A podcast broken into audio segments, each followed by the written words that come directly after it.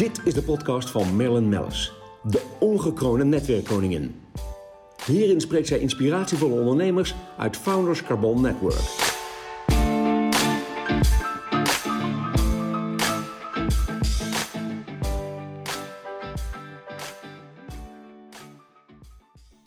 De podcast wordt mede mogelijk gemaakt door Blenheim Advocaten. Divya Gautam, welcome. Welcome on board and welcome at the table. You're CEO Hub. And um, yeah, well, for everybody who listens, it's um, very nice uh, to know why you did decide to move from big corporates to lead to a food startup to lead. Hi, Madeline. Thanks for having me over here. Wow, it's a great question, and everybody asks me the same question. Um, I spent 16 years in big corporates and I traveled around the world, lived in Singapore, Australia, I mean, across Europe and Americas. Um, amazing countries. Yeah, beautiful weather, good food. And last seven years, I was in Unilever um, and driving digital transformation and e-commerce business for them for foods. Few of the initiatives that I was doing there was fabulous, right? Data-driven marketing, where everything starts with consumer. How do we really put them at the center of everything that we do? And there were we were in the process of building future fit platforms. So how does future look like? Uh, we did some proof of concepts in the areas of personalized nutrition, sustainability, traceability and lots of programs around driving behavioral change. Yes, and it's very interesting, all those programs you're mentioning, because um, this is where they make the difference as well. So it was your job. Oh my goodness, that sounds very exciting. And uh, great initiatives, of course, huh? Yeah, fully agree. I think there was not a single day when I was bored. Let's put it like that. and and during the whole journey of last seven years, it, it makes you realize that you can't do it alone. And you, you really can't do it alone, and especially within the foods transformation space. Every consumer is so different, their problems are so different.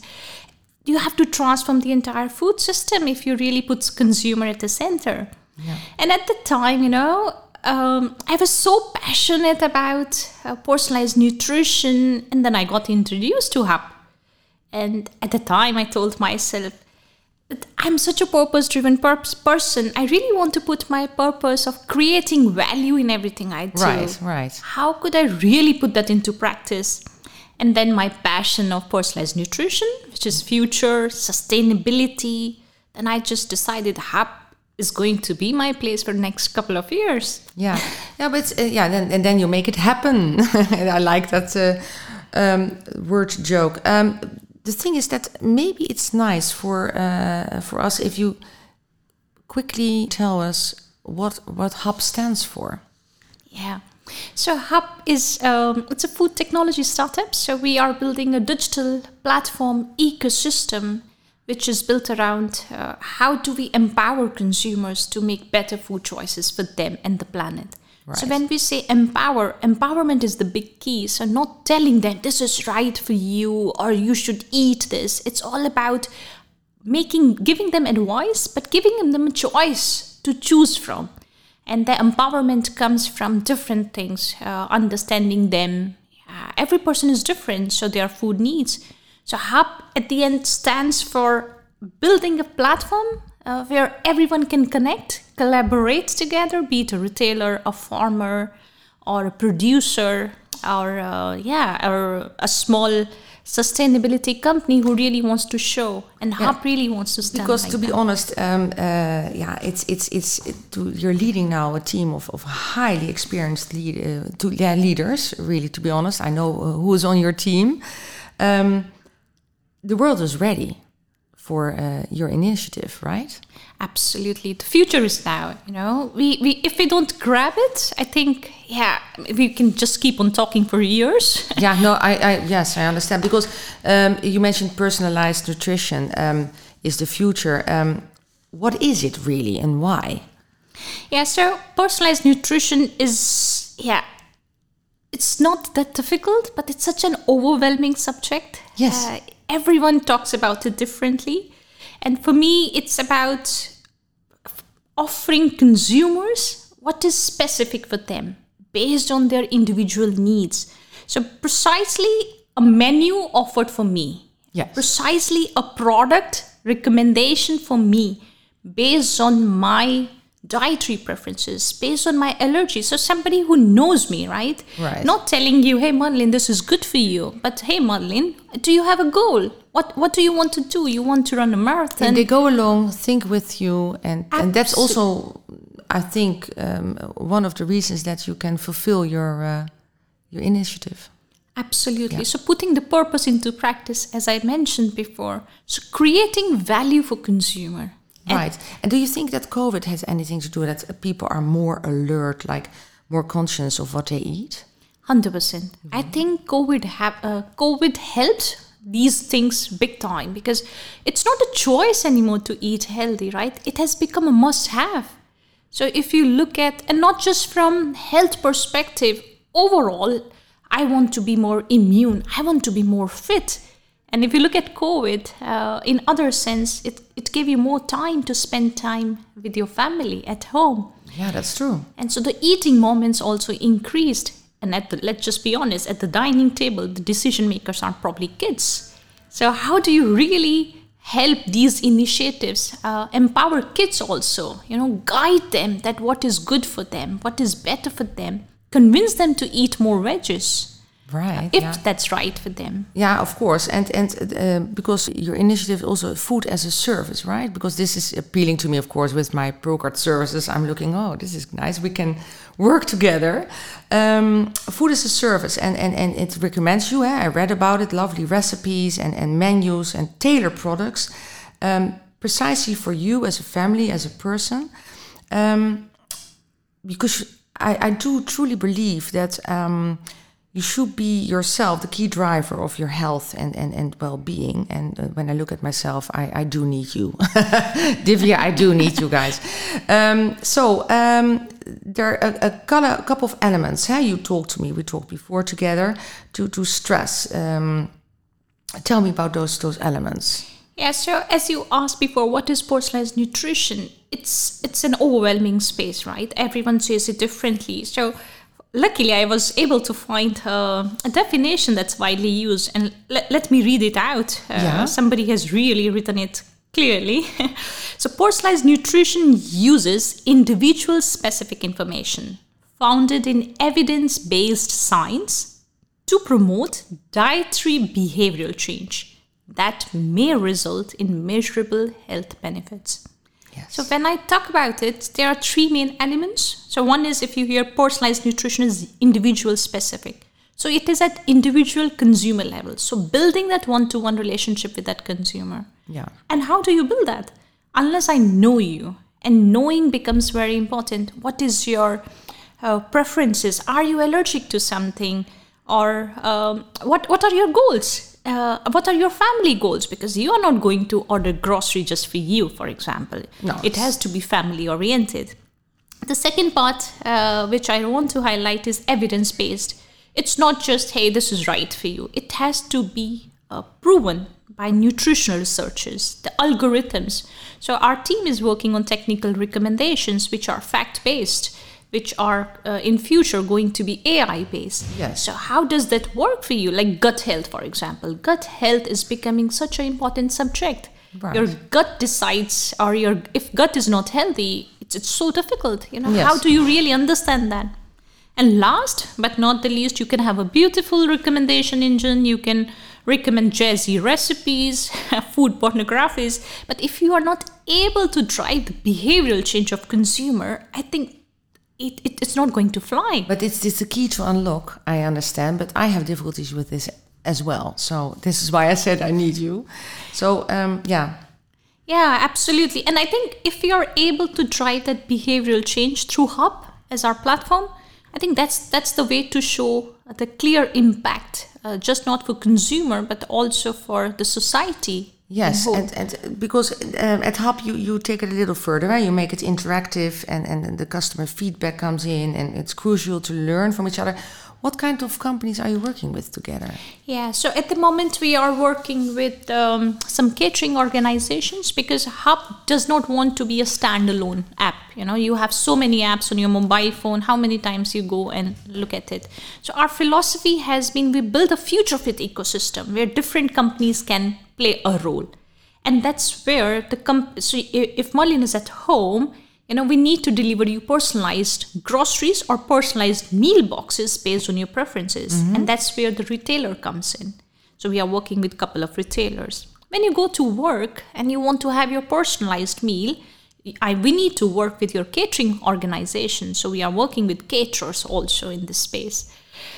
Some of the proof of concepts we are also doing in some hotel chains. Uh, so if you go on a holiday, and uh, of course it's a 10 day holiday or a two week, but why should you eat not things which are not personalized or healthy for you? So we are doing some tests with some ho- hotel chains. Yes, I found this, this. I found a fantastic idea because this is some people are, of course, looking forward to their holidays, but they're not looking forward to the fact that they don't know what's going to happen on the on, on the side of food and drinks, and and they're they're working on on their own health. So it's nice to have support on, on that part. Absolutely. I think if you ask me uh, as a CEO, my vision, I want everyone, every company in uh, Netherlands in the food space to join us. Yes, because uh, what do you think the customer challenges are, and how can they be solved? Because they can be solved by by the interference of more uh, food companies.